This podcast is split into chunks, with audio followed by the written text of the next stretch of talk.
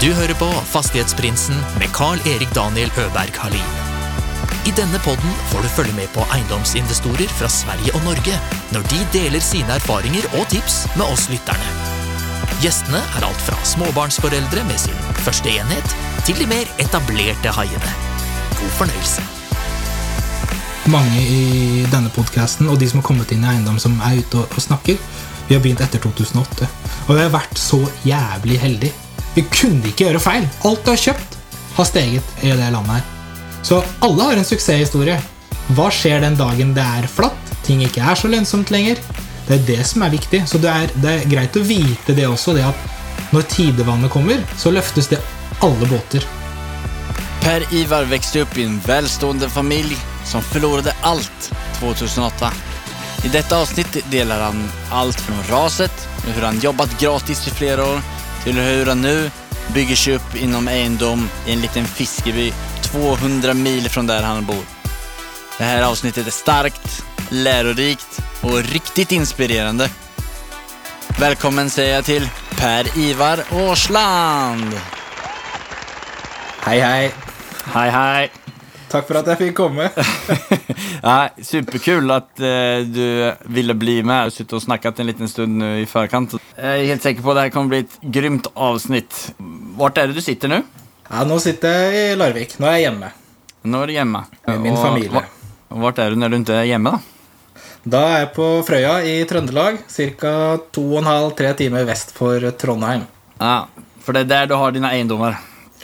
Det er der jeg har begynt å investere i eiendom. Eh, Der og naboøya Hitra. Eh, det er et sånt uh, lite fiskelandsby som er i sterk vekst der. Og da har det vist seg å være et veldig bra eiendomsmarked for en som ønsker å bli en stor fisk i en liten dam. Ja, for det, du, du, Jeg var jo tvungen å google. du sendte over en lenk på hvor disse ørene ligger.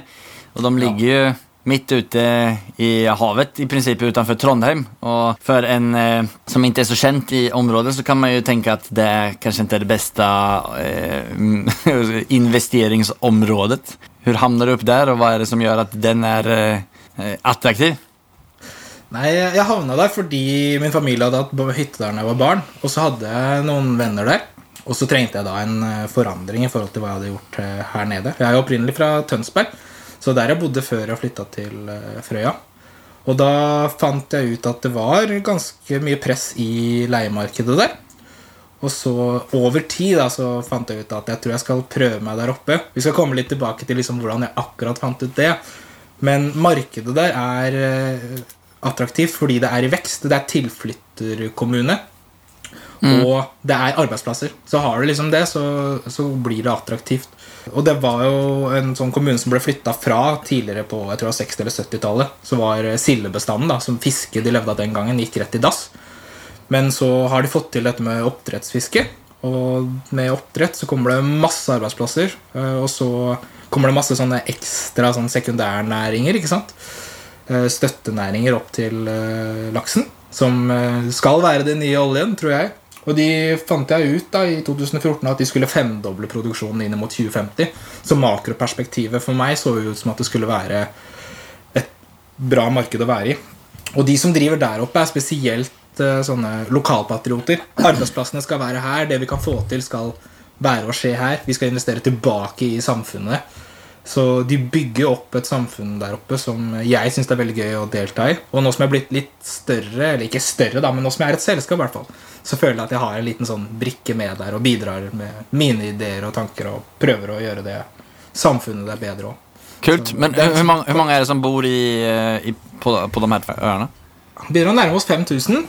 Eh, Men det var jo mye mindre før. De, sånn der, de er veldig stolte av folketallet og tilflytterveksten. da Så de hadde en sånn der måler på torvet der. Eh, Som er sånn, skal vise sånn Ja, nå er det så og så mange, og nå er vi 300 mer enn da jeg kom dit. Men den har de bare sprengt, så nå måtte de rekalibrere den og så legge på en ny. Så jeg tror faktisk det er et tall som sitter i huet mitt om at det er sånn 5116 der, eller et eller annet Ja. sånt. Kommer litt an på. nå kommer det snart en Frøya-patriot og tar det på desimalene. Ja. ja. Det er jo tilflytter det, det har mye å si da at det er mange nye som kommer inn, og folk blir værende. Det jobba jo kommunen med. Av en eller annen grunn så fikk jeg tak i noen sånne rapporter og sånn, eh, som jeg leste jækla nøye. Jeg er veldig glad i å lese. Lese meg opp. Eh, Hvor det sto sånn Hvordan skal vi få folk til å bli værende her? Det var veldig mange svensker der som kom og reiste og jobbet uh, når jeg var yngre, sånn kanskje rundt eh, 2008. Men så kom det flere fra hva heter det, Polen og Litauen og Latvia. og sånn, og da er det, Hvordan kan vi få disse til å bli her og ville starte et liv? Og da hadde de gjort en veldig god sånn undersøkelse jeg henta ut masse info fra. da. Og da tenkte jeg ok, her, hvis, hvis de store selskapene investerer i å gjøre disse undersøkelsene her, og, og planlegger dette, så er jo dette fordi de vil ha stabil arbeidskraft. Så det skal bygges noe langsiktig. Eh, og så måtte jeg jo lære litt sånne ting underveis. Og det er jo veldig lokalt. Liksom, øya er svær, da. Frøya for eksempel, er 40 minutter fra den ene enden til den andre. Hitra, som er naboøya, er vel et av Norges Jeg lurer på om det er Norges nest største øy, eller noe sånt. Ja. Så det er store geografiske områder, men eh, hvor folk vil bo, er jo mm, meget lokalt. da Det er sånn standard location, location, location. Mm. Eh, og tilfeldigvis så hadde mm, min far og hytta vår eh, var veldig nærme den ene fabrikken der, eh, som er hjørnesteinsbedriften på Frøya. Og mm, en av mine beste kompiser, som jeg ble kjent med fra jeg var 14 år, eller noe sånt, eh, jobba i fabrikken. Så da har du på en måte liksom Det var jo ikke insider-info, men du hører jo hva som skjer. da Så jeg er liksom, Hvorfor er det du har lyst til å stå inni her i alle år? Og så, Nei, men det er utvikling. Det skjer ting. Og, ikke sant? og så så jeg også at de bygde jo en ny fabrikk der. Og reinvesterte alt de hadde tjent gjennom mange år. Mm. Så, så nå er det jo eh, veldig mye liv. Og det er en kommune som er ekstremt positiv til deg når du kommer. Det er sånn, Så spennende at du har lyst til å flytte her. Få se planene dine. Det er jo kjempegøy at du har lyst til å satse her og har lyst til å bli her. Så det har vært en sånn super eh, boost for meg. da For jeg har alltid hatt litt sånn Shit, hva har jeg å tilby? Hva kan jeg gjøre? Mm. Men her så er det litt sånn eh, Du føler deg veldig velkommen. Og så kan du jo Det er et lite samfunn, så du kan liksom Du kan sitte i et møte med kommunen, og så møter du dem på Coop-en etterpå. Så er det.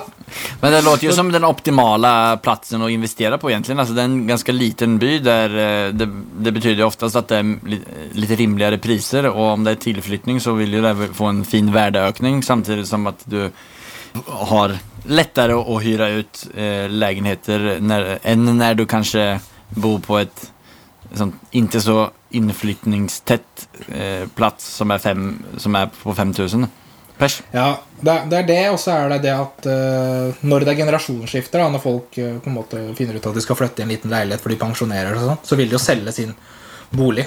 Uh, og da kan de jo I og med at ikke samfunnet der Eller de, dette markedet har liksom ikke noe sånn Det er et velfungerende boligmarked, men jeg er sjelden til budkrig. Så jeg, skal, jeg kan forhandle på en helt annen måte. Selv om ting ligger ute på finn.no, så er jeg liksom Jeg kan ta kontakt direkte med selgeren. Jeg hører liksom hva, hvilke issues er det du har, hva er det som er viktig for deg, hva er det minste du kan selge for, og, og jeg kan liksom lage en deal. Selv, jeg slipper hele den der prospecting-greia, da, som driving for land og liksom drive og banke masse dører og sånn. Mm. Eh, Men nå har jeg fått et rykte på meg at jeg kjøper opp. Eller vi, da. Vi er to. Eh, At, uh, så, så nå er det litt sånn av og til så kommer det sånn tips. Eh, At dette kommer snart ut på markedet. Og det kan være en liten heads up. Men det beste for oss det er jo bare å se at dette har ligget en stund. Hva er andre redde for, og liksom klarer vi å få til noe av dette. Det handler om hele tiden. Det skal jeg sikkert komme litt tilbake til. Og det handler om at eh, Jeg tror hvis du kjøper nybygg i Oslo, eh, og du klarer det klarer du sikkert ikke da, men hvis du klarer å få cashflow på det, så sitter du. Så er det ganske passivt. Men når du kjøper noe i mitt marked, så er det ok, vi må jobbe, vi må få til noe, vi må utvikle noe, vi må skape noe som ikke var der. Eh, Vi må lage et hjem for noen som de har lyst til å betale oss for. Eh, Og sånn tjener vi våre penger. Så det er ikke eh, Jeg tror at hvis du er i Distrikts-Norge, så skal du bare glemme alt det at det er passiv inntekt. Det er gjentagende inntekt. Det er, det er ikke passivt, men det er gjentagende, og du kan bygge det opp, og du kan lage deg gode systemer som gjør det at du eh, får en, eh, en større gjentagende inntekt. Akkurat som at du bygger subscriptions, da, eller abonnement, på en måte. Og så er det mye å hente ut i at du har laget en verdi, og så får du en ny takst på det, fordi du får det relativt rimelig der. Eh, samtidig som at når du har refinansiert, så klarer ofte nesten hele den gjelden å bli betjent av leieinntektene. Ja. Så da har du jo din egen egenkapital tilbake, pluss litt til, og så kan du gå og kjøpe videre. da. Det är väl det som i um, USA kallas för BRR, Eh, Det finns väl Ja. inget bra eh, nickname för det i Skandinavien än, så kanske, kanske du skal mynte et nytt uh, ord eller uttrykk? Jeg tror egentlig det er uh, Burr. Jeg syns den er bra. Det er vel coina av Brandon Turner fra Ja. Billy Pocket som uh, Ja, ja. lagde det. Men det er vel buy, rehab, rent, refinance. Nei, det hender jeg mikser. Repeat. det er det. Ja. et- Repeat, ja. et- ja. Så, men det er på en måte oppskriften der fordi du slipper eh, Da forholder du deg til meglertakst eh, etterpå. Det er det du går til banken med. Eh, og så har du Du slipper hele det eh, salgsleddet. Det å finne noen du skal selge til. Og da kan du tenke litt annerledes òg. Jeg hadde nok eh, gjort ting litt eh, flottere og annerledes hvis jeg skulle solgt det. For da vil jeg ha minst to interessenter, sånn at det er en budkrig. Eh, når det bare er én kjøper og én selger, så er det mye mer rom for forhandling. Jeg kan godt gå litt inn på andre ting vi kan forhandle på seinere. For jeg har laga en liste med masse gode tips som jeg har lyst til å dele. Men uh, vi må prøve å holde oss til storyen. Du nevnte jo tidligere at du bodde i eh, Larvik og du, det er jo en ganske lang bit fra Larvik opp til der du investerer. Kan du berette litt, bare, litt kort om deg selv og hva du gjør når du ikke holder på med eiendom? Jo, når jeg ikke holder på med eiendom, så Ja, det hender jeg gamer litt. Det prøver jeg å minimere. Jeg pleier å slette spillene mine på våren og så installere de på høsten. Bare fordi vinteren er trist. Så da må Ja. du ha litt sånn escapism. Men nå har jeg fått familie, så nå er det noe som jeg syns er veldig gøy. Veldig slitsomt. Alle foreldre sier sikkert det. eh, Og det har de helt rett i. og så er jeg, skjønner, jeg er veldig glad i eiendom. da Så hender jeg jogger meg en tur bare for å se hvor er solforholdet er best i den byen. Her Åssen har de pussa opp her? Hva gjør de her? Og så har fulltidsjobben min har jo vært uh, et eh, industrigulvselskap, så har reist rundt og jobbet mye med, med det. Så eiendomsinvesteringene mine har jo vært eh, deltid mens jeg har hatt fulltidsjobb i syv år nå. Ellers så er det ja, fisking. Syns jeg er veldig gøy. Dra ut og fiske ørret, eller dra på fisketurer og sånt noe. Tenkte jeg skulle ta opp laksefisken som jeg flytta til Larvik. Ja. Så har jeg vært bitte litt borti jakt, men eh, jeg er ikke noe storjeger. Jeg har en helt blank vegg bak meg jeg, et jækla Jeg har et dyr jeg har skutt oppi der. Ja, jeg, jo, när när du sier det, ja. Jeg så på din Instagram så hadde du en, eh, eh, skinn på huvudet. Er det den eller? Nei? Nei, nei, nei. Ja, det her er et, eh, det her er et eh, rådjur. Det her er et, eh, en eh, hjort, stakkar.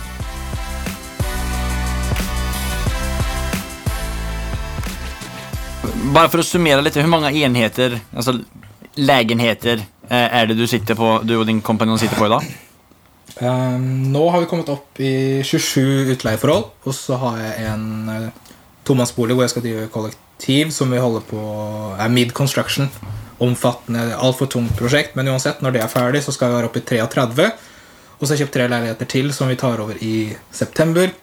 Så da er vi oppe i 36 utleieforhold, da, hvor jeg tror ca. 15 av de vil være type eh, hybelrom som du leier ut. Og det er liksom er, eran strategi, eh, liksom buy and hold. Dere holder ikke på så mye med flipping eller utvikling av eh, selge sånne prosjekter? projekt eller?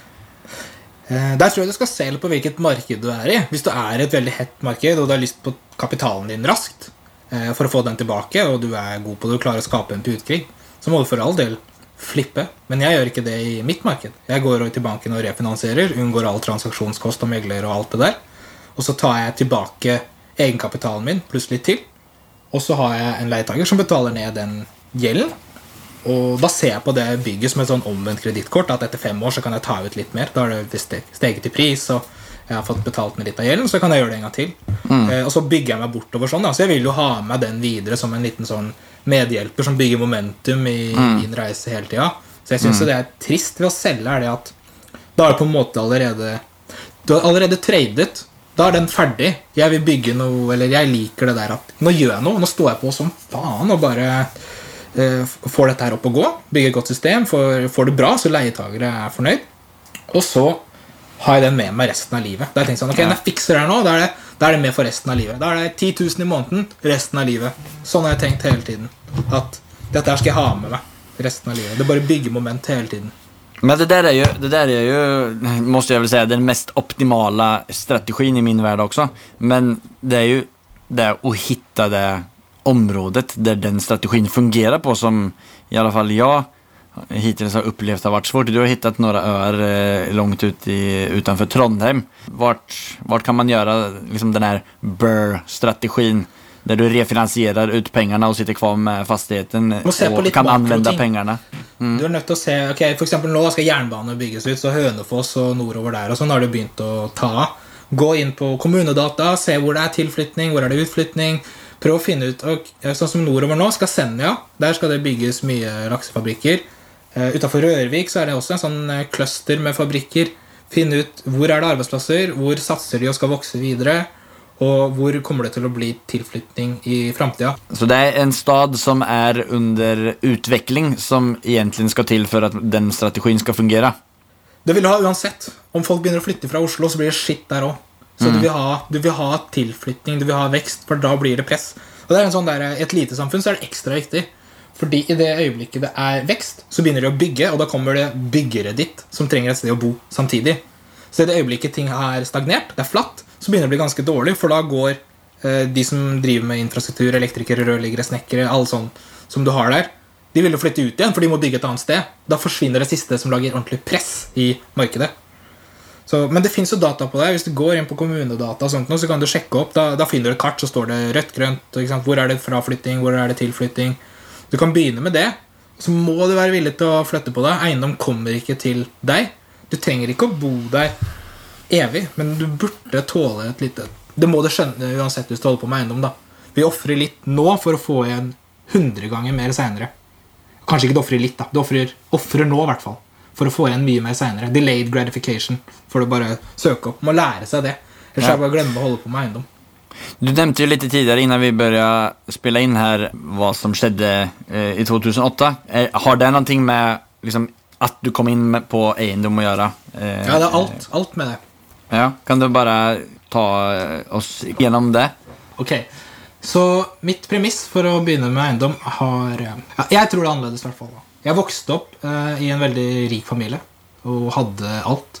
Så jeg hadde på en måte alt du kan drømme om som kid. da. Vi hadde et kjempesvært hus. Vi hadde 40 meter strandlinje, vi hadde fire båter, tre-fire-fem biler i oppkjørselen. Nyeste Mercedes og Audier, alt sånn annethvert år, selvfølgelig, for det må det jo være. Eh, og vi hadde hytte på Tjøme, vi hadde hytte på Frøya, vi hadde plenty med assets. Og alt var egentlig bra, og på et tidspunkt så var vi egentlig gjeldsfri. Så min familie hadde jo på en måte bygget opp et svært eh, sånn kleskonsern. Eller mine slektninger, da. Tidligere slektninger. Eh, Hva heter det? De eldre, i hvert fall. Eh, Som vi nøt veldig godt av. Men etter 2008 så mista vi sakte, men sikkert alt. da. Ting bare ramla ned som et eh, korthus. Og da er det sånn Du har sikkert sett på TV, og sånn, så sitter de på plenen og gråter, og så bærer de saker og ting ut for deg. Men for meg som var eldst, og med en far som liksom ikke mentalt var til stede og kunne håndtere alt Han sleit sikkert mye, for det var et jævlig tungt tap. Så, så satt jeg selv da, og liksom vaska bilene og la de ut, og la ut hytta. og Måtte selge alt eh, manuelt. Det var jæklig tungt, og du følte jo veldig på det. Så til slutt så satt jeg liksom og Da satt jeg snøfresere og alt mulig, og barndomshjemmer og, og alt. Og vi, satt, vi leide et hus på Tjøme til slutt. Og jeg hoppa inn i bedriften til eh, min far og hadde ikke lønn på fem år. Og jeg skulle også ønske at noen hadde sagt til meg altså bare 'kill your babies fast'. Men jeg hadde lest en bok som het uh, 'Screw it, let's do it' av Richard Branson, så jeg bare 'yes, vi går på'. Jeg er 20 år, og bare holder på i 8 år nå, så blir det millionlønn og alt. Men du er nødt til å ha noen ordentlige premisser rundt. da Og jeg stolte blindt på de som var eldre enn meg. Ikke for å dytte skyld over på noen annet, men bare fordi folk har holdt på lenger, så betyr det ikke at det er rett. Det må gi mening i huet ditt. Så still, still spørsmål. Jeg sier ikke at folk lyver, men jeg har et sånt, sånt som jeg går med meg selv. Det er ok, trust, but verify. Ja, ja, jeg stoler på deg. Vis meg talla. Jeg stoler på deg. Ta så Forklar det en gang til, så jeg skjønner det. Hvis ikke det gir mening, hvis folk blir for sinna eller aggressive når de har lovet deg noe salgstall, eller hva enn det er, så er det et veldig sånn sterkt ku da, på at eh, noe er gærent her. Hva var, men hva, hva, var det som skjedde da? Efter, efter allting eh, gikk nedfor, hvor stod du da? Hva skjedde etter det? Um, da jobbet jeg Det det er en periode der hvor jeg jobbet i den butikken på Tjøme. Eh, Ja. Hver eneste dag. Og det, på Tjøme så er det sånn kjempetrekk på sommeren. Ingenting ellers. Det er som en fiskelandsby uten disse laksefabrikkene. 5000 innbyggere. Nesten eh, skummelt likt, sånn som det er eh, oppe på Frøya. Bare turistplass. Sesongbasert. Helt annen type marked. Eiendomsprisen er jo helt ko-ko der hvis du har strandtomter. Typ 20 millioner for en hytte, liksom. Sånn er det jo ikke på, på Frøya. Men da har du jo ingenting å investere i. I hvert fall ikke hvis du ikke har noe. Du, du mista allting. Du jobba litt på klesbutikken. Og så Hva skjedde etter det? Det som skjedde der, er at i denne likvideringsprosessen så hadde faren min han hadde et hus på Freya som ikke var i noe særlig god stand. Det var lagt ut på markedet, for vi trengte jo selvfølgelig penger. Eh, For 1,2 millioner, da. Så det sier litt om hva et hus koster på Frøya. Det er eldre hus, 1930, ikke sant? Og der hadde jeg jobbet i fem år, og jeg hadde hatt en liten introduksjon til eiendom, bare fordi jeg satt og leste mye på forumer og sånn. Eh, Så da var jeg innom eh, Mr. Money Mustache, som er litt sånn vi, Han er på hustle, sparing, veldig sånn, da. Og inni der så er det en som heter Brandon Turner, som hadde kommentert, som introduserte meg for Bigger Pockets. Fant jeg det via linken. Men i hvert fall så, så prøvde jeg å kjøpe ut det huset for markedspris, for jeg trodde at kanskje jeg kan få til noe her. Det huset var leid for 5000 kroner i måneden den gangen, så det er jo all. det dekker jo ikke noen ting. Men eh, jeg prøvde å få kjøpt huset for 1,2 millioner og gikk i banken. Og da fikk jeg jo selvfølgelig nei, for jeg har ikke vært en dritt på papiret. Det var ganske hardt å høre for en som har vokst opp i en rik familie. Og jeg jobba masse. Altså, jeg jobba i hvert fall ni-ti timer i, om dagen i den der butikken. Og så jobba jeg på nattklubb på Harbour i, i Tønsberg. Og hadde søppellønn da jeg starta. 120 kroner timen. Og liksom fikk lov å jobbe meg opp da, til å sitte i coveren etter hvert. Og liksom Ja, det var, det var dårlig. Men jeg fikk ikke lån. Jeg var ikke verdt en shit. For jeg hadde ikke noe tall å komme til banken med. Så jeg fikk med meg bestekompisen min, og han eh, hadde snudd pølser på Circle K. Og så hadde han solgt VG siden han var liten kid. Og rundt. Sammen med han så fikk vi lån. Og det er jo bare fordi han sa ok, ja, men, ja, men da gjør vi det. da. Jeg var helt sjokka da han sa det. Jeg bare, ja, men da gjør vi det. Prøver å sette inn, eh, inn bud, eller prøver å legge inn lånesøknad. Og så fikk vi det huset for 1,2 millioner. Og det var starten på det. Og da, sånn, da begynte vi bare med å rydde opp der. Det er et sånt mantra egentlig har med meg. Uansett hvor gammelt det er, uansett hvor lite penger du har, så kan du rydde. Rydde og holde det reint. Det, det, det hever eh, utrolig mye bare helhetsinntrykket på alt du har. Hvis du bare har det ryddig. da Moren min har preka det siden jeg var liten. Det er sånn rik og ren, rik og ren. Sitter hver eneste da. Men eh, Hvilket år var det de kjøpte det første huset? da? 2014. 2014. Mm. Og Så det er en periode på fem år, det. Etter at ting begynte å rase skikkelig for oss. Ja. Så da er du på vei opp fra, fra bunnen?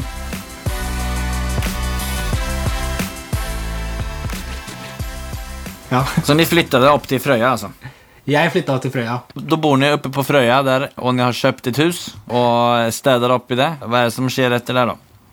Ok, Jeg flytter opp til Frøya, jeg har med 10 000 kroner. Det skal holde til seng, første husleie. Og jeg kommer inn til bestekompisen min og sier jeg skal bo her, jeg skal ha det rommet, og jeg betaler 3000 kroner i måneden. Du får det ikke på kontoen din, du, får, du må opprette en fondskonto, og så betaler jeg inn til den. Jeg var helt frelst på at jeg har skjønt hvordan de skal tjene penger nå. Så du må spare og investere. Eh, og der tar det jo litt tid. For det bor folk i det huset. Jeg vet ikke helt hva jeg skal gjøre. Men min drøm den gangen var å bare ha noe jeg eide. Folk spør sånn, ok, hvor mye skal du tjene, hvor mye skal det være? Så jeg sa sånn, jeg skal ha 100 enheter da, bare for at jeg må strekke meg etter noe. Men det jeg fantaserte om, det som jeg drømte om, som jeg mener er liksom nøkkelen til alt, det er, det, det er jobben da. Så min første drøm var det at jeg skal stå der, være dritsliten, full av malingsflekker, med malingskosten i hånda, og en nymalt vegg. Det var liksom sånn, det bildet der i hodet mitt, visualiserte jeg. Da har jeg gjort en jobb, jeg har gjort noen ting ekte. Det her er det jeg som har kontroll over. Om hvis du sitter i krypto i dag, og Elon Musk tweeter, så bare Hva faen kan du gjøre? ikke sant? Men med eiendom så har du kontroll. Og derfor er det heller ikke passivt, for du kan styre. da Det er motsetningene der. I min, I min verden, i det markedet, i hvert fall er det sånn. Så, øh, og så, etter et halvår, flytta kompisen min opp, og så begynte vi å fikse sånn smått på det huset. Vi pussa det opp mens de stakkars leietakerne bodde. Fy fader, mange ganger har vekt de opp med sånne sager og bråka de kom ut der òg. Men jeg følte liksom de betaler nesten ingenting her, så det hadde ikke så mye å si. Eh, Men vi fikk heva husleiene litt, sånn opp til 9000, og da bærte det seg jo, og så sparte vi penger i jobbene våre. Satte et krav om at ok, uansett hver måned, samme faen hva de gjør, så betaler vi først 20 000 hver til oss selv. Minst skal spares. Det er forpliktelsen mellom meg og min bestekompis. Da kommer vi oss opp og fram. ikke sant? Og det er et prinsipp som er fra en bokanbefaling. Det kommer på slutten, da, men det har så mange bøker, så jeg bare chiller den her ut nå. 'Richest Man in Babylon' er litt sånn pensum. Dritkjedelig å høre på, og alt sånt. men prinsippet der er å betale deg selv først. Ja. Før du prioriterer alt annet skit du ikke trenger. Og da, eh, etter en, et år eller noe sånt, så fikk vi kjøpt et hus til til 1,1 million. Og dæven, da følte jeg at vi dreiv nå. Nå som vi har to leieforhold, da er det ekte. ikke sant? Da, da, da er det ikke bare ett hus du har. Da, da var vi i gang, da. Så jeg laga jo logo og alt, og behandla som et selskap helt fra starten. Mm. Og jeg hadde jo møtt min nå forlovede rett før jeg flytta opp, og tenkte det her skal i hvert fall ikke bli noe. Det skal bare være en sommerflørt. Bra innstilling, da. ja, men Vi var ærlige om det begge to. Det er veldig viktig. Jeg, har sagt, jeg, jeg fortalte til henne at jeg skal jobbe, jeg skal bygge et eh, eiendomsselskap. Jeg skal jobbe hardt og tjene tilbake. Men du kan få den fritida jeg har. Så hvis du er ærlig på det, så er det greit. Eh, Og hvis du har god kommunikasjon, og henne er med på det, forstår det at ok, for å få det bedre hos henne, så ofrer vi litt nå, så er det utrolig hva du kommer deg igjennom, da. Men det andre andra huset, hvordan såg den ut liksom økonomisk? Ja, Det er jo skit, det òg. 5000 kosta det i måneden. Var- altså, det kosta 5000 i månaden. Nei, altså utleia var 5000. Ja. Eh, Leieinntekten var 5000. Og kjøpsprisen var 1,1. Prøvde å prute på det, fikk ikke gjort det. Men jeg tenkte hva annet kan jeg kjøpe? Ingenting. Så Nei. da kjøpte jeg den. Og så fikk jeg hevet husleia til 8000, var det vel. Og da bærte det seg. Det? Da turer det og går, og det er helt ok. Og så måtte vi vedlikeholde det jevnt og trutt. Eh, Når du kjøper et sånt hus, så er ikke det helt uten problemer, da, men det har vært sånn løpende vedlikehold bare må ta. Men da følte, da blei ting ekte. ikke sant? To hus, du har noe å gjøre, du har liksom litt opplegg. Men når henne dama mi flytta opp, da måtte jeg ha noe større. som vi skulle bo i selv. Da kunne ikke jeg bo bare på et lite rom og kompisen min på sofaen til han andre kompisen min. Eh, Det tredje huset det ble kjøpt ut av nød. Altså ikke nød, men fordi jeg måtte. Og det er noe som eh, det, det er noe som ofte skjer. da At jeg er egentlig aldri klar for å kjøpe, men det kommer en mulighet eller et eh, behov ut av et, et eller annet som gjør litt sånn Ok, uh, la oss prøve. Og da Det var første gang jeg gikk til banken og liksom ting var litt mer positivt. Da Da hadde jeg noen lønninger å vise til, og jeg hadde jo jobba hardt og tatt alt jeg kunne og overtid og hadde jo litt inntekt. Så det var jo veldig bra. Og da fikk vi lån sammen denne gangen, da. Til det andre Nei, det tredje huset her. Og det var en enebolig med utleie i kjelleren. Så, så da liksom, ok, da, da househacker vi der, da. Og da bodde Det, det er for øvrig første gang jeg ble kjent med at eh, prisene kan stige. Fordi jeg trodde ikke jeg hadde så mye egenkapital, men han eh, i banken bare ja. Så kanskje vi skal ta noen nye takster, og så ser vi om disse boligene har steget litt. Og så var det et par hundre tusen opp da på hver av de, ikke sant? Og da plutselig hadde det blitt litt mer egenkapital, og det var liksom shit. Her kommer det penger ut av ingen steder, liksom. Eller verdier. Som ikke er relatert til at jeg sitter her og soper og sliper gulv. Det var jo jævlig fint. Men da fikk jo den siste der, det var en stor bolig. Så da bodde min bestekompis bodde oppe på loftet. Og så bodde jeg og kjæresten min og ungen i hovedetasjen, og så leide vi ut kjelleren. da. Ja. Så måtte jo lydisolere litt og sånn. Eh, jævlig bra tips der hvis du må lydisolere enkelt. Ikea så selger de sånne grønne 5 mm plater. Hvis du legger de i forbant, altså på kryss av hverandre, så får du 1 cm bygging i gulvet pluss laminaten din. da. Funker som fjell. Ganske enkel, billig måte å få lydisolert mellom etasjer. Hvis du kan det. Altså Er det lydisolering som de selger, Eller hva, hva var de gröna Det plattorna? er, sånn, det er sånn trinnlydsplater, egentlig. Sånn der underlag til laminaten. Men hvis du bruker det på den måten der, så lydisolerer det jævlig bra. altså. Så det, det er noe som hever inntrykket til mange leietagere òg, hvis du kan få på det der. For det er et helvete å bo i kjellere hvis ikke det er lydisolert. Ja. Ja, det Så det er tips. god økonomi. Eh, Fornøyde leietagere er generelt god økonomi, da. Då sitter vi der med tre, tre stykken hus ute på øyen utenfor Trondheim. Og ja. Da renoverer vi den første. Men spesielt Ja. Eh, det er jo ikke en stor portefølje. Det var det dyreste huset, da. Den siste kosta tre millioner eller noe sånt. Så, så, og, og alt ga mening, ikke sant? Vi, men det her er et viktig prinsipp også. Selskapet gikk foran alt, så vi betalte Vi hadde jo ikke et selskap den gangen, men vi behandla det som et selskap. Vi betalte husleie til oss selv. Sånn, Vi var litt snille. Litt under markedsleie, liksom. Eh, men vi betalte det inn til den kontoen for at kontoen skal vokse. Selskapet skal vokse. Vi skal ikke begynne å nyte noe av det. Vi måtte betalt husleie et eller annet sted uansett. Hvem bedre enn å betale seg selv? Så det er også et viktig prinsipp at selv om du har mulighet eh, og får mye penger, så prøv å gjøre deg selv fattig. Går tilbake til Richest Man in Babylon. liksom.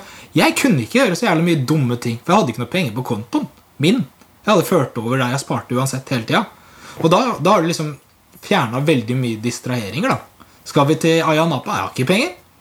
Men eh, ikke? Da, da, da har du liksom allerede hjulpet deg selv utrolig mye. Veldig mange de bruker pengene sine, så sparer de på slutten av måneden. Det er jo elendig. Spar først, så bruker du resten med god samvittighet. Du er en eh, tipsmaskin. Ja, men ta litt av ta det som funker for deg. Ja, jeg, jeg, jeg synes liksom sånn Det er jævlig lett med tips. da Folk liker jo sånn ah, topp ti-liste med, med shit. Men noen mantraer vil sette seg i, Ja. i hodet ditt.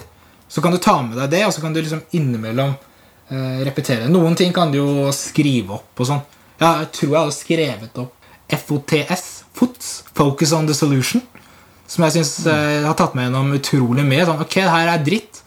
Alt er, er skikkelig dårlig her og sånn, okay, men hvor skal jeg bruke energien? Focus on the solution. FOTS. Det har jeg tatt med meg. Kom fra en veldig smart mann som heter Donald Trump. Men det er det jeg sier hele tida. Du må skite i Du må høre liksom, ok, dette er den kilden, det er den kilden. ikke sant? Men objektivt, hva er sagt? Kan du bruke det? Er, hjelper det deg videre?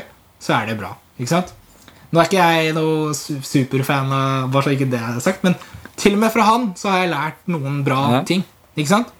Eh, I er eh, resa fram til nå har ni vært borte i noen eh, Når jeg sier den jobbigste situasjonen som ni har vært borte i innom eiendom, hvilken tenker du på da? Åh. Det jeg holder på med nå, har vært eh, mitt personlige Vietnam. da. Ja, det Ok, har hva, vært et hva, er det, hva er det du holder på med? da? Vi kjøpte ut uh, ah.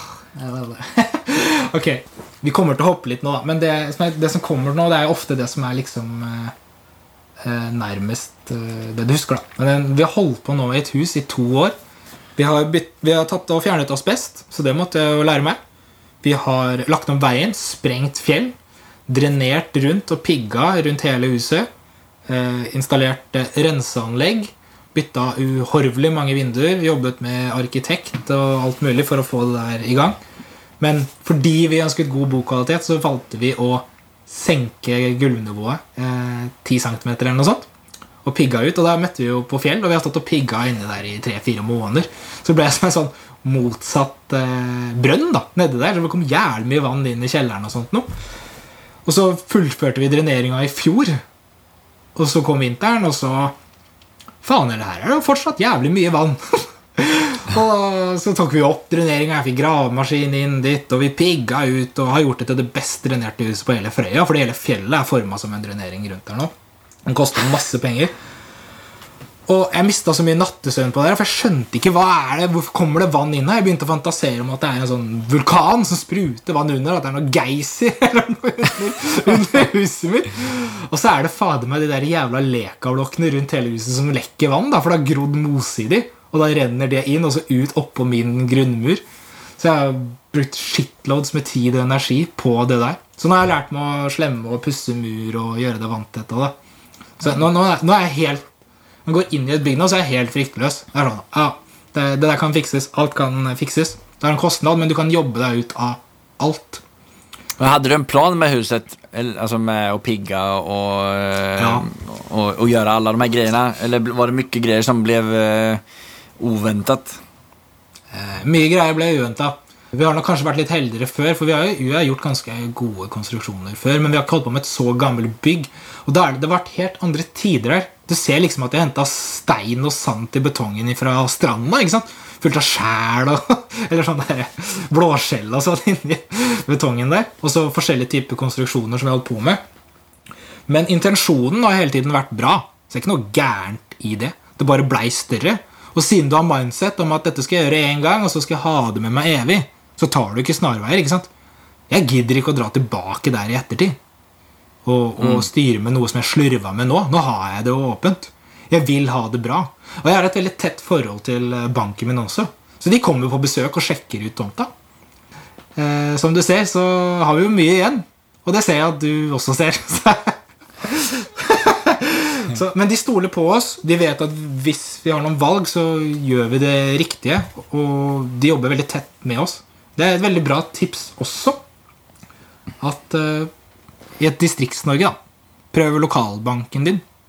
Eh, For da får du møte noen mennesker. Begynn med de tidlig. Begynn å bygge track record. Og, og lever hele tiden. Jobb deg ut av det du kan. Ikke sitt hjemme og stur, men få levert. Sånn at det blir sånn som du lova dem. Da får du mer tillit videre. Og vis at du har gode eh, hensikter for lokalsamfunnet der. Da. En lokalbank er mer opptatt av det enn hvis du går inn på en eller annen nett, han har sånn långiver på nett. da. En god relasjon til banken, er det noen annen samarbeidspartner som du mener er veldig viktig å ha? Jeg har en veldig god samarbeidspartner i han jeg jobber sammen med. Fordi han er litt motsatt av meg, men vi vil samme sted. Så vi kan Ja. krangle liksom og bare være uenige. Men så er vi gode til å innrømme når vi har feil. Og så er det sånn Ja, men vi skal jo hit, skal vi ikke det? Så har det noe å si om han vinner et argument og får det som han vil, og jeg vinner et argument og jeg får det som jeg vil. Begge to har lyst til å tjene penger, og begge to har lyst til å bli ferdig med dette huset her. La oss bare få det videre. Så det er bra der er å ha en sånn. Ja, sorry. Nei, men det där är en, en, en fråga som har intresserat mig ganska mycket. Eh, någon har vært veldig eh, hardfasta på at eh, man skal gjøre alt selv, og noen mener eh, at att man skal samarbeide med någon. Det låter jo som at du og din kompanjon egentlig har gått ifrån eh, til och, och, och liksom holdt sammen hele veien. Eh, Tillit er viktig. Hadde, Ja, tillit er viktig. Ja. Eh, Min kollega er en av de få som ikke jeg nødvendigvis trenger å verify hele tida. Han er pre-verified. Men vi, Ja. vi fact-sjekker hverandre litt allikevel. Det er sånn Ok, jeg er enig, men har du tenkt på det her? Hvis du klarer å ha sunne diskusjoner uten at du lar ego komme i veien, så kommer du jævlig langt med det. altså. Det liksom, Når du går inn i et forhandlingsrom med din egen part, så legger du en ego i døra, og så sier du sånn Det her er ikke noen følelser jeg har, eller noen ting sånn, men har du tenkt på det her? Eller hva syns du om det her? Men nå er du på ett visst, liksom en viss plass i din organisasjon der du kan velge å kjøpe eh, tjenester eller gjøre det selv. Om du skruvar tilbake tiden fra liksom når du starta, hadde du vært der du er i dag? om du hadde kjøpt tjenestene da, Eller er man nødt til å gjøre veldig mye mer selv i starten? Du er ikke nødt til å gjøre noen ting. Det kommer an på hvilken måte du kommer inn i eiendom på. Fordi Det er tre felt da som jeg har sett meg ut at jeg holder på med i eiendom. Det ene er at du investerer. Du bare kjøper eiendom og sitter på det. Og det kan du gjøre hvis du har, et, hvis du har en jobb hvor du tjener masse penger. Du er en super selger i en bedrift som verdsetter det, og du har penger. Eller du har drevet et annet type selskap som har generert overskudd, og du vil plassere det et sted. Så kan du konsentrere deg bare om å investere. Eller så er det sånn som meg, som holder på med utvikling. Som får kjøpt noe, og så går du hands in i og, og bygger noe. Du skaper noe som ikke var der fra før. Og der kan du generere mye verdier. Og så har du ettersalg, som jeg kaller det. Eller sånn eh, forvaltningen. da, Det som bare går rundt hele tida. Når du har investert og utvikla ferdig, så står du fast i forvaltning. Det er et sånn evig hjul som bare går rundt. ikke sant? Med ny leietaker inn, vedlikehold, og så skal de ut, og så en ny igjen. Så du må finne ut egentlig hvor er det du kan gjøre mest ut ifra din situasjon. da. Jeg tror det, det beste er hvis du tør å gjøre litt utvikling. For da har du den ressursen Sannsynligvis, da. Hvis du sitter og hører på det her, så eh, er det ofte egenkapital og penger det står på. Og da må du finne ut hva kan du gjøre. Jeg kan konvertere min tid i å pusse opp, og så får jeg eh, verdi på det. Og da syns jeg det er en kjempefordel at du har gjort litt selv. Fordi den dagen jeg skal finne en annen, så vet jeg akkurat hva jeg skal be om. Eller så ser jeg om han er flinkere enn meg eller ikke. Det syns jeg er en super fordel. At du trenger ikke å kunne alt i fingerspissene, men les det opp på ting. altså Sjekk eh, rundt, sånn at du vet hva du skal be om. Jeg har en mye bedre kommunikasjon med en arkitekt nå, fordi jeg vet cirka hva jeg vil ha. Jeg har en mye bedre kommunikasjon med elektriker og rørlegger nå. Jeg skal ha sånn og sånn der. Jeg vet den rørdimensjonen skal være der. Jeg må stå så mye strøm dit. Sånn og sånn skal det være. Og hvordan kan jeg Nå er jeg fortsatt en deltakende part i utviklingen. da Sånn, Vi er på plassen og styrer det. Hvordan kan jeg legge det til rette for dere best mulig, sånn at prisen blir lavest mulig? Så det er lettest for dere å komme inn. Og alle er interessert i det, for da går prosjekt smooth. ikke sant? Så det er en kjempefordel. Jeg syns ikke du skal være redd for å delta i starten, men du må ah, Det er et bra prinsipp. Charlie Munger har jo Circle of Competency. For øvrig en ja, Det er Warren Buffett sin høyre hånd, da, hvis, du ikke, hvis man ikke vet det. Circle of Competency. Hva er du god på, og hva kan du ikke? Da veit du jo hvor du skal be om hjelp. ikke sant? Så det er et Men bra prinsipp. Men så som ja da, jeg kan ingenting. Jeg vet ikke hvordan man bygger noe. Jeg har ingen erfarenhet. Liksom, men jeg vil gjøre det her veldig mye. Hvordan skal jeg gå til veie, da? Hvis du kan få deg en jobb men som har noe med byggebransje å gjøre, så er det helt supert. Men hvis du skifter mentaliteten din til å være interessert, så at når jeg er på jobb, jeg får betalt, men jeg prøver å bry meg om alt annet rundt i jobben også. Hvorfor gjør vi det sånn? Da lærer du deg om organisering. Og liksom, hva gjør vi for å få høyere lønnsomhet? Det er sånn prinsipp du kan ta med deg inn i dette her. Men hvis du er generelt interessert, så er det Min bestekompis skal pusse opp huset. Jeg drar dit og hjelper til. Gratis lærdom. Jeg får se det. Det er hans kostnad hvis det går gærent. ikke sant? Jeg har et familiemedlem som har kjøpt et nytt hus. Jeg blir med på visninger.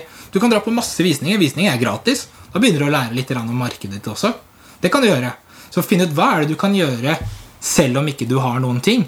Og skift mentaliteten til uh, hva du tenker på med arbeid. For at du sparer litt av lønna di hele tida. Du kommer nærmere målet ditt. ikke sant? Jeg holdt på i utelivsbransjen og tjente fuck all. Men vi, vi, hadde møter etter hver eneste kveld. Hva gikk bra i dag? Hva gikk dårlig i dag? Hvordan selger vi mer eh, øl? Det var alt ifra Dere må flytte folk unna barn, så ikke de står og sperrer deg. Så våre bartendere får servere fortere. ikke sant? Hvis du gidder å involvere deg, så er det jo et vell av informasjon å få tak i. Du vet ikke hvor du kommer til å bruke den. Det kan være på hus nummer 1, 2, 3, 4. Kanskje jeg bruker den om ti år. Men vær mottagelig. Det skjer masse rundt deg hele tida. Bare naboen min driver og pusser opp her, så kan jeg gå ned og prate med ham. Se. Ja, det, som var gry det var grymt tips. altså at du egentlig i alle, i alle dina situasjoner så skal du prøve å se hva du kan ta ut for lærdom som du kan applisere i det som du er intresserad av å gjøre liksom, eller mm. utvikle. Ja, grymt. Før vi hopper videre til vårt neste segment, kan du bare ta oss gjennom eh, fra de tre husene og det siste som du nevnte? Hvor mange hus eh, var det som du hadde kjøpt der däremellan? Ja. Nei, Det skal jeg prøve å ta litt uh, kjappere. Vi kjøpte først uh, en gammel kafé som var bygd som tre leiligheter. Den konverterte vi til fem. Så refinansierte jeg på den, og så kjøpte jeg et gammelt uh, pensjonat.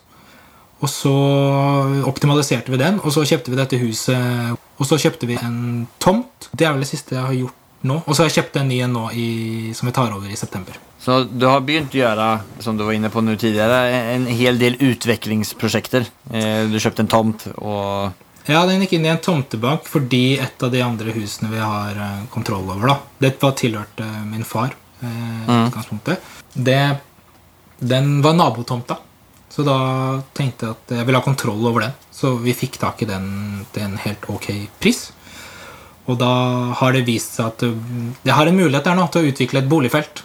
En langsiktig plan. da okay. Eh, så det er noe som Det er liksom the next game. Det er det som gjør at eh, hjertet banker ekstra hardt, og ja. det er litt eh, skummelt igjen også. Men der ser du, nå er jeg veldig takknemlig for at jeg har tatt totalrenovering på det andre huset. Ikke sant? Jeg har sprengt masse fjell, vi har hatt gravemaskin der i lange tider. Jeg vet hva jeg skal be om når jeg går inn i et nytt prosjekt nå. Jeg har gjort alt i ett hus. Nå skal gjøre det samme med Jeg skal ikke si for mye, da, men jeg planlegger å bygge ca. 25 leiligheter og kanskje 10 tomannsboliger og litt hytter. Men det er, det er langsiktig.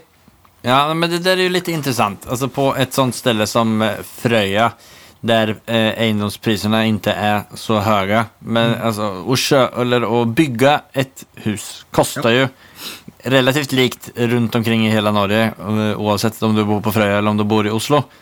Det är tomten som kanske kostar lite mer.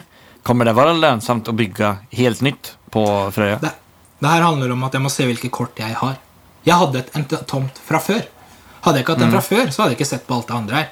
Da hadde jeg tenkt Nei. litt annerledes. ikke sant? Men siden jeg har en tomt jeg har, øh, Det er 30 000 kvadratmeter da, med fjell og myr. Veldig nærme hjørnesteinsbedriften. Hva, hva, kan jeg gjøre med det jeg har, for å få dette til å gi inntekt? Så tomteprisen er jo lav for meg fordi det fulgte med det ene huset jeg har kjøpt. Og som du har helt rett, det koster jo det samme, kanskje litt mer også, siden det er tungt med logistikk ut der.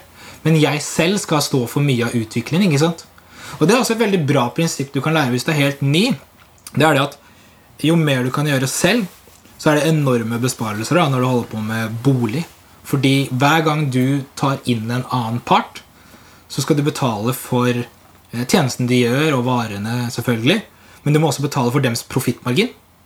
Og du må legge på moms oppå, for du er siste ledd når du driver med bolig, boligutleie. ikke sant? Så du får ikke tilbake momsen din. Så, så det er et jævlig viktig moment å tenke at når du gjør det selv, så har du sperra Den barrieren der av å ta inn noen andre koster veldig mye. Så hvis jeg kan gjøre store deler av utviklingen selv, så beholder jeg den profittmarginen som min sikkerhetsmargin. Og så er jo buy and hold. Så hvis jeg klarer å få dunka opp Si du begynner med en firemannsbolig, da. Og jeg har fått utvikla den og bygd den til en lavere kost fordi jeg er utviklingsbart, og jeg bare kan sitte på den med leieinntekter, så er det verdt det for meg. Jeg vil ha bygget ferdig levert tett utvendig, så jeg har alt innvendig som jeg har kontroll over selv. ikke sant? Og da kommer jeg til å duplisere den samme modulen bortover, så vi blir flinkere og flinkere på det. Akkurat det samme prosjektet. Streamliner det, da. Samme malinga, samme kjøkkenet, samme alt. ikke sant? Men dette er i min situasjon, det er disse kortene jeg har fått i mitt liv. Og de skal jeg spille best mulig. Du er fortsatt i 100% jobb, om jeg skjønte det riktig? Ja, men, ja, ja, men eh, jeg har begynt å tenke på å gjøre noe annet. Men det er litt med min situasjon. Dette er Hvis jeg hadde hatt hodet på plass og jeg var motivert fortsatt, så ville jeg godt uh, hatt fulltidsjobb eh, videre. For det er en kjempetrygghet å ha. Jeg anbefaler ingen å slutte i jobben sin for å hoppe inn i eiendom på det tallet som nødvendigvis jeg har. Men jeg er villig til å gå tilbake til nudelsuppe og kleppe håret mitt sjæl og eh, alt mulig sånt. Jeg er villig til å sove på en sofa. Men jeg sier ikke at det er veien til suksess for noen andre. Men jeg syns eiendom er så jævlig gøy at jeg vil heller gjøre det enn det andre. Og da er jeg villig til å ha en mye lavere lønn. Men jeg er ikke noe idiot. Jeg har sikra meg. Jeg har penger til side andre steder. Jeg bor i en bolig som er veldig rimelig, fordi selvfølgelig har jeg utleie i min egen bolig. Og jeg har en partner. Så dette er min situasjon. ikke sant? Hva du tåler, eller noen andre der ute som hører på, tåler, det kan være helt annerledes. Nei, det er sjukt interessant. Det er spennende at eh, liksom, hur, alle se, kan se på det og, och hur alle kan se på det olika. Og det er just derfor det er, det er så interessant, og jeg er så glad over at jeg får muligheten til å snakke med deg og alle andre som jeg snakker med. Det er ingen som har den samma synet på, det, på hur man skal investere, eller hvilken resa som er den rette for deg. Så, Jeg er og, egentlig ganske passiv, eller sånn forsiktig. Det er én ting jeg vil at alle skal være obs på der ute. Fordi jeg begynte i 2014, og mange i denne podkasten og de som har kommet inn i eiendom, som er ute og, og snakker, vi har begynt etter 2008. Og vi har vært så jævlig heldige. Vi kunne ikke gjøre feil. Alt du har kjøpt, har steget i, i det landet her. Så alle har en suksesshistorie. Hva skjer den dagen det er flatt? Ting ikke er så lønnsomt lenger? Det er det som er viktig. Så det er, det er greit å vite det også, det at når tidevannet kommer, så løftes det alle båter. Uansett, hvis du har vært i eiendom, om du bare kjøpte deg et hus i Oslo Ring 2 for ti år siden, så har du ikke trengt å være noen kløpper investor for å plutselig sitte på enorme verdier nå. Og det er sånn Ikke for å ta vekk kred til noen, for det er veldig mange som har jobbet kjempehardt, og det er jævlig bra. Men det er vanskelig å vite nå hvem er det som er dyktig, og hvem er det som bare har sittet i båten. Det syns jeg man skal tenke litt på hvis du skal gå inn i eiendom nå. At det har vært eh, eh, nesten 13-14 år med bare vekst, og alt bare har vært topp. Sikrer du deg før eh, noen krasj som skal komme, eller? Jeg har eh, eh, tenkt litt på det, og det jeg har konkludert med, er at i mitt marked så er det jo litt lavere prisvekst enn ellers. Så i en krasj så regner jeg med at det skal være litt lavere prisfall enn ellers, for det er mye mer forankret i en normal lavere tomtepris og byggekostpris, altså materialene pluss arbeidet. Og jeg har råd til å ri i evigheter, jeg, så lenge jeg har leieinntekter. Så jeg følger mye mer på det at mitt marked der er bra. Men nå som jeg har vokst såpass mye, sånn som nå er jeg oppe i 36 leieforhold, nå begynner jeg å bli litt mer sånn picky på hva jeg skal kjøpe. For jeg tenker at kanskje jeg heller skal alternativkosten min nå, som jeg bor i Larvik, og jeg jogger rundt der, og jeg sykler, og jeg kjenner Tønsberg og Sandefjord, disse andre markedene. Kanskje jeg skal bare kjøpe meg en bygård for å plassere det helt annerledes. Så lenge tallene gir mening. Mm. Så, så det er ikke noe sjakktrekk for meg å bare pumpe på der ute. Det har bare vært en veldig fantastisk start som jeg fant, som jeg kom over. Jeg visste ikke det når jeg starta. Det er sånn du finner ut underveis. Når Du begynner, du lærer jo en ting og to hele tiden, og ting er ikke likt der i dag som det var da jeg flytta dit. Når jeg flytta dit, så var det nesten ikke boliger ute. Du, du, folk fikk ikke tak i boliger. Det var sånn hodet mitt skrudde seg om at oi, her er det mangel på utleie. For folk spurte om de kunne få lov å leie låven på den ene tomta. Og det er, det er ikke strøm eller vann eller noen ting. Det er bare shit. Det er desperate tilstander her ute, altså. Så ja, ja, Ja. det er jo Ja, men det er grymt. Eh, nå bør tiden eh, springe ifrån oss og vi kommer fram til vårt eh, andre segment som heter eh, Affärsanalysen.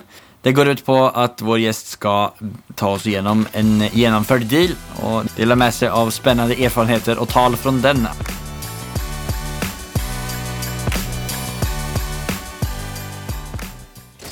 It has not been easy for me. And, you know, I, I started off in Brooklyn. My father gave me a small loan of a million dollars. Affärsanalysen. Har du tenkt på noen som du vil dele mer om? om? tenkte på den her eh, bolig nummer fire som jeg kjøpte. Eh, for det Ja. var som en eh, bryter av og på for meg. Eh, det er Da har jeg bodd i det andre huset en liten stund, og så Da har jeg jo sagt til andre at jeg investerer i eiendom, og sånn, så jeg får en message på Facebook. Og så er det Hei, eh, det er en rørlegger da, som jeg kjenner. Jeg har vært og gjort arbeid her. Det huset her, det skal selges, det er forsikringssak.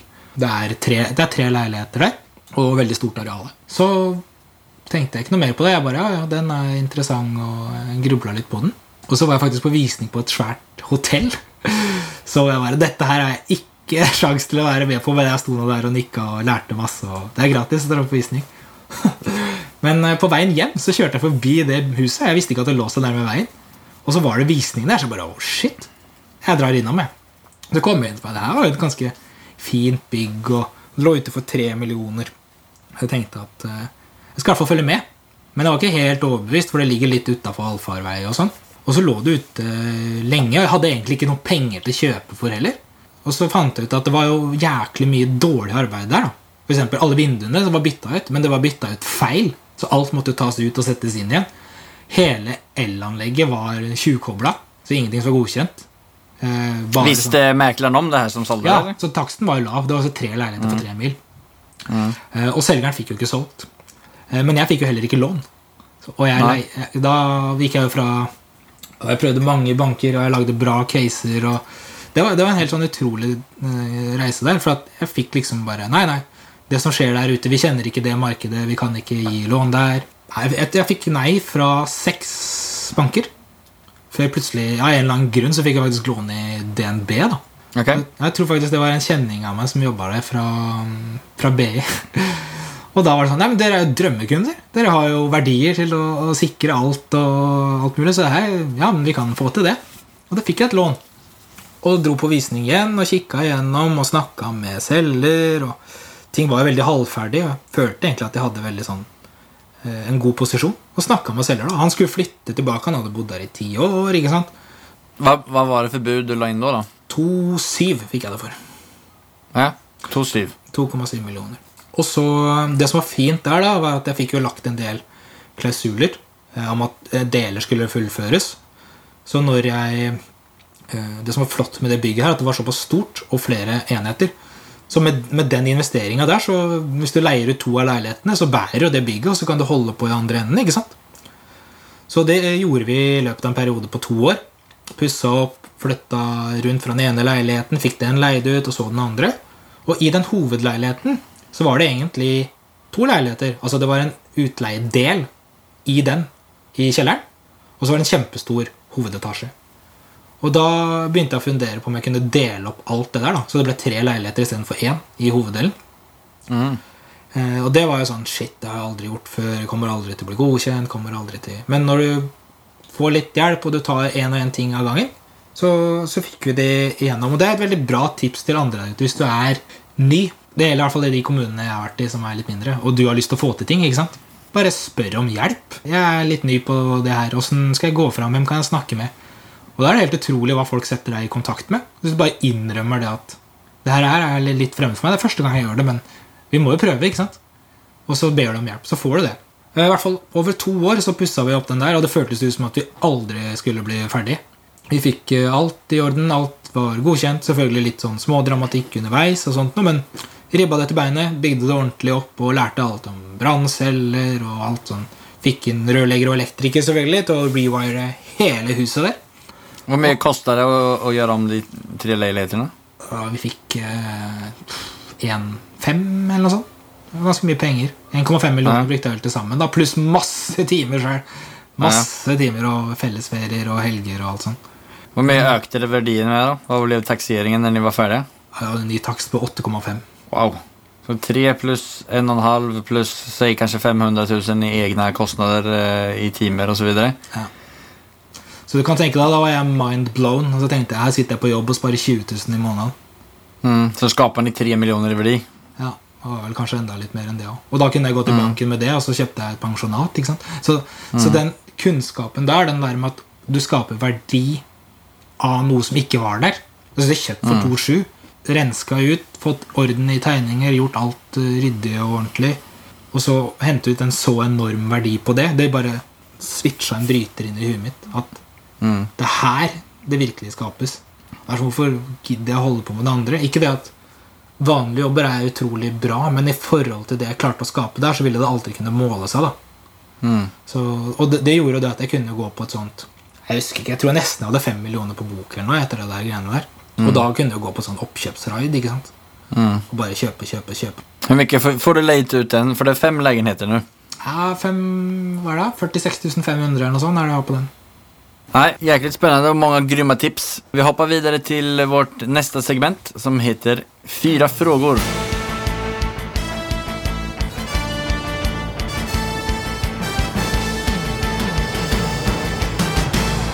Cuatro preguntas. Det är de samma fyra frågorna som vi ställer till vår gäst. Och den första frågan är följande. Vad är det som skiljer från en framgångsrik entreprenör mot de som inte lyckas, slutar eller aldrig kommer igång? Det første du må forstå, det er det at det er sammenheng mellom dine handlinger og de resultatene du får. Så en fremgangsrik entreprenør han forstår det at det jeg gjør, har en output. Det er sammenheng. Og så finnes det tre typer mennesker i verden. Det er de som tenker, det er de som prater, og det er de som gjør. Så det handler om å, å take action og se konsekvenserna av det man gjør. egentlig. Du må ha en overbevisning om at dine handlinger har effekt. Og derfor gidder du å handle. Hvis, hvis du sitter på sida, så føler du at det har kanskje ikke noe å si. Du blir litt apatisk. Men hvis du går inn og maler om dette huset, eller hvis du går på visninger, så får du mer kunnskap, så vil du lykkes. Og så er du nysgjerrig. Du har lyst til å lære. Det er kanskje en enda viktigere egenskap. Du har lyst til å lære om eiendom. Du sitter og hører på denne podkasten. Du drar på visninger, selv om du egentlig ikke har råd. Og så er man ikke så redd for å ta en sjanse, da. Jeg pleide å ha det som mantra før, men nå har jeg litt mer å tape. Men før så var det sånn Ta en jævla sjanse, da. Herregud, livet ja, ditt suger. det tenker jeg er fint. eh, Det var det er mange, mange, bra tips og mange bra svar i den frågan. Så jeg tenker at det er fint. eh, Det var et fint avslutt på den frågan. Ja. Så an, andre spørsmålet er om du hadde ubegrenset med penger, fikk kjøpe hvilken eiendom i hele verden, all, alle var oppe for salg, hvilken hadde det blitt da? Jeg, jeg har tenkt mye på det, men jeg er Jeg er så kjip. Jeg har ikke lyst på så mye. Jeg, jeg har lyst på et eller annet sted nærme vannet i framtida, men eh, i det øyeblikket jeg har ubegrensa midler, så er det kjedelig. Det er eh, reisen dit som er spennende. Og den rikeste mannen i verden er han Ja. som ikke har lyst på noen ting. Så jeg er ganske kjedelig der, altså. Sorry. Ja, Nei, det vet jo du litt om, så kanskje det her er det mest optimale spørsmålet. Ja, men det er, det er reis, Reisen er det viktigste jobben underveis. liksom Når du har nådd det, Når jeg kjøpte mitt første hus, dritgøy i to sekunder. Og så er det må jeg gjøre en jobb Men kjøpte noe hus nummer to, alltid litt redd. Så går det over. Og sånn har det vært eh, bestandig. I øyeblikket dealen er closa, sånn, så er det bare ah, Ok, next. Reise. Så ditt drømhus er egentlig et ødelagt ödelagt hus ved havet. Perfekt. oh, ja, det hadde vært fint. En liten. Et telt, kanskje. Ja, grymt. Den här frågan är spännande vad du ska svara på. Bästa boktips för en som är intresserad i egendom? Jeg har så mange, og jeg føler at det har vært litt eh, labert med boktips i de forrige podkastene. Kan jeg komme med Ja. noen flere? Ja, du, du kan få velge en, ett boktips. Du, får, du, må, du må narrow it down. Hvilken er den optima, eh, den aldeles alldeles favoriten din? Det er The Book on Rental Property Investing av Brandon Turner. The The Book on Rental Property Investing av Brandon Turner. Hva har Vad är en det som gör den så spesiell, då? Det som gjør det spesiell, er at det er en bra introduksjon på eh, hele eiendomsgreia. Den bare forteller deg forskjellige strategier og hva du kan gjøre, og så plukker du fra den. Og så er det, det er gateway drug da, til eh, all annen lesning, mener jeg. Hvis du begynner med den der, og du begynner å se litt på den forfatteren, og du begynner å se litt på det communityet der, Da har du åpna den hellige gral til kunnskap. Blir glad og begynner å bli litt nysgjerrig og føle at ting går an. Men det jeg tenker, du, I og med at du har så mange boktips, så kan vi skrive ned dem, og så kan vi eh, legge ut det til alle som er interessert av eh, bøker. Så kan vi legge ut eh, en link til alle Per Ivars beste boktips. Det, det her er pensum, altså. Det er, det er noen Ja. ting du bare må Burde komme igjennom. Som er, det er så mye billig, rimelig god kunnskap. For eiendom er ikke noe nytt. Det, her, det, er, det er ikke noe revolusjonerende eller noe nytt. Det er jo skrevet om og ordna i mange, mange mange ganger. Og det mener jeg hvis det, Jeg har en liste, den, den må vi legge ut, Daniel. Det er pensum. Ja. Den, skal, den skal alle unge, i hvert fall, som har lyst til å begynne De skal lese de bøkene før de kjøper et eh, kurs noe sted. Altså. For det er så mye kunnskap som er lett tilgjengelig, som kommer til å sette deg på, på rett vei. Og du kan plukke selv hvilke ting som du liker. Men det er, jeg, har, jeg har lyst til å hjelpe mange ved å bare lese dette her. Så Ja, men det er grymt. Det blir jeg glad for. Nå eh, snakker vi jo med veldig mange som er så ivrige og kan sitte og prate om eiendom i eh, to dager i strekk. Og du er jo eller absolutt en av dem. Har jo bare to dager. Så det her blir perfekt. Jeg elsker å lese bøker, og spesielt bøker om eiendom. Så denne posten skal jeg legge ut i forbindelse med, ditt, eh, med denne episoden. Da hopper vi videre til den siste frågan. Nevn det mest storartede, morsomme, minnesverdige måten som du har feiret en gjennomført affære på. Okay. Jeg har tenkt litt på det, for jeg er kjedelig der. nå. Jeg feirer ikke så mye. Fordi når jeg har kjøpt en, en bolig, så er det Det er en jobb som skal gjøres. Og den feiringen får eventuelt komme den dagen jobben er gjort. Men jeg blir jo selvfølgelig glad når vi vinner, men det har blitt så Ok, ja, kult, da. Så, liksom. Ja. Har, du, har du feiret på noe fett sett når du, når du er ferdig med oppussing. Eller når huset er ferdig? Jeg har, jeg, har, jeg har ikke gjort det som en feiring, men det er et ritual jeg og min kollega har gjort noen ganger, som jeg synes er kult. Og det har vi gjort siden vi eide ingenting.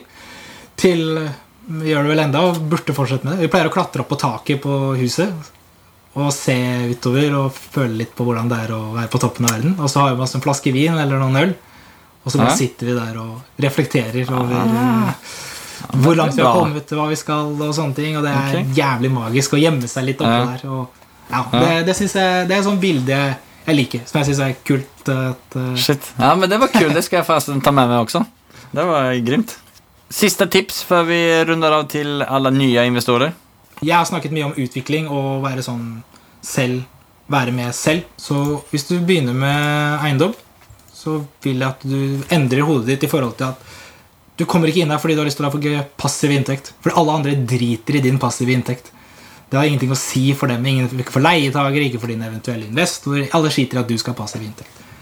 Det som de bryr seg om, det er hva du kommer til å gjøre av verdi for noen. Så du skal gjøre noe som gir verdi for andre, som gjør at de har lyst til å betale for å bo i din bolig. da. Så det du skal tenke på, er at hva kan jeg gjøre her som ingen andre nødvendigvis ser, som gjør at folk får lyst til å betale meg, og på den måten så får du en mer passiv inntekt. da. Finn ut hva du skal gjøre for å skape verdi for andre, for da får du betalt. Og da tenker jeg ikke på sånn verdi som veldig mange tenker sånn Ja, vi skal skape verdi, og så har de putta inn ett soverom. Ok, det, det er greit, liksom, men prøv å finne ut hva skal du gjøre. Kan du forvalte dette profesjonelt, så folk gladelig betaler deg for å bo der, fordi de føler de får mye for pengene, eller liksom de får et trygt og godt hjem som du har ordnet klart for dem. Og før du kjøpte det og la ned all innsatsen og jobben, så var det bare et jævla skitthold. Så skap ja, det er kjempebra. Ja. Er det noen person eller bedrift eller noen med en viss kunnskap som du gjerne vil komme i kontakt med? Olav Thon og Ivar Koteng hadde jo vært ganske tøft. Ja, tar vi lilla shoutouten til dem.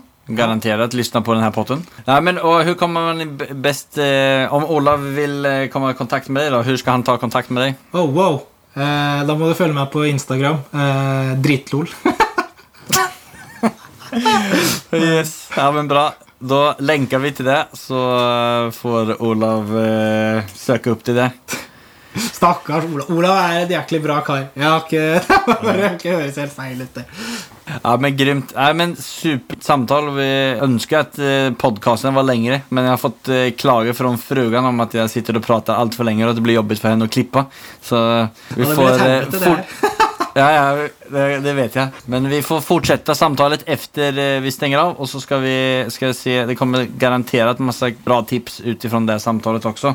Så skal jeg være med og se til å dele de tipsene og boktipsene og alt annet mm -hmm. eh, på Instagram. Och der finner du oss på Fastighetsprinsen på Instagram og Facebook. Får jeg bare ta og takke for at du tok deg tid, Per Iva. Og så håper jeg at din utvikling av Frøyaøen Fröjaön eh, blir eh, lika bra som eh, er sikker på at den kommer bli. Så tusen takk igjen for at du ville prate. Takk for at jeg fikk lov å komme, og jeg setter veldig pris på at du har tatt tak i eiendomsmarkedet og laget en slik eh, bra podkast. Ja, wow, vilka ups and downs Per-Ivar har varit med om. Han har verkligen fått testa sig, kommit ut på andra sidan av tunneln med huvudet högt. Det är så spännande att höra hur man hittar nya vägar. För vill man någonting tillräckligt mycket så hittar man alltid en lösning och lyckas. Per-Ivar bor ju i Larvik och han investerar på den lilla ön långt ute i nordvästra Norge. Så ni måste gå in på Fastighetsprinsens Instagram och se på bilderna som jag delar i hans inlägg. Där ser ni avståndet och hur den lilla ön ligger geografiskt. Det är inte direkt den första platsen jag hade tippat var ett bra ställe att bygga en portfölj på. Det är tokbra jobbat Per-Ivan. Allt är möjligt. Ta vara på varandra och jag hoppas att ni alla hittar eran ö att investera på. Fastighetsprinsen ska nu ner i källaren där jag har min rauk och bada. Over and out. Ha det!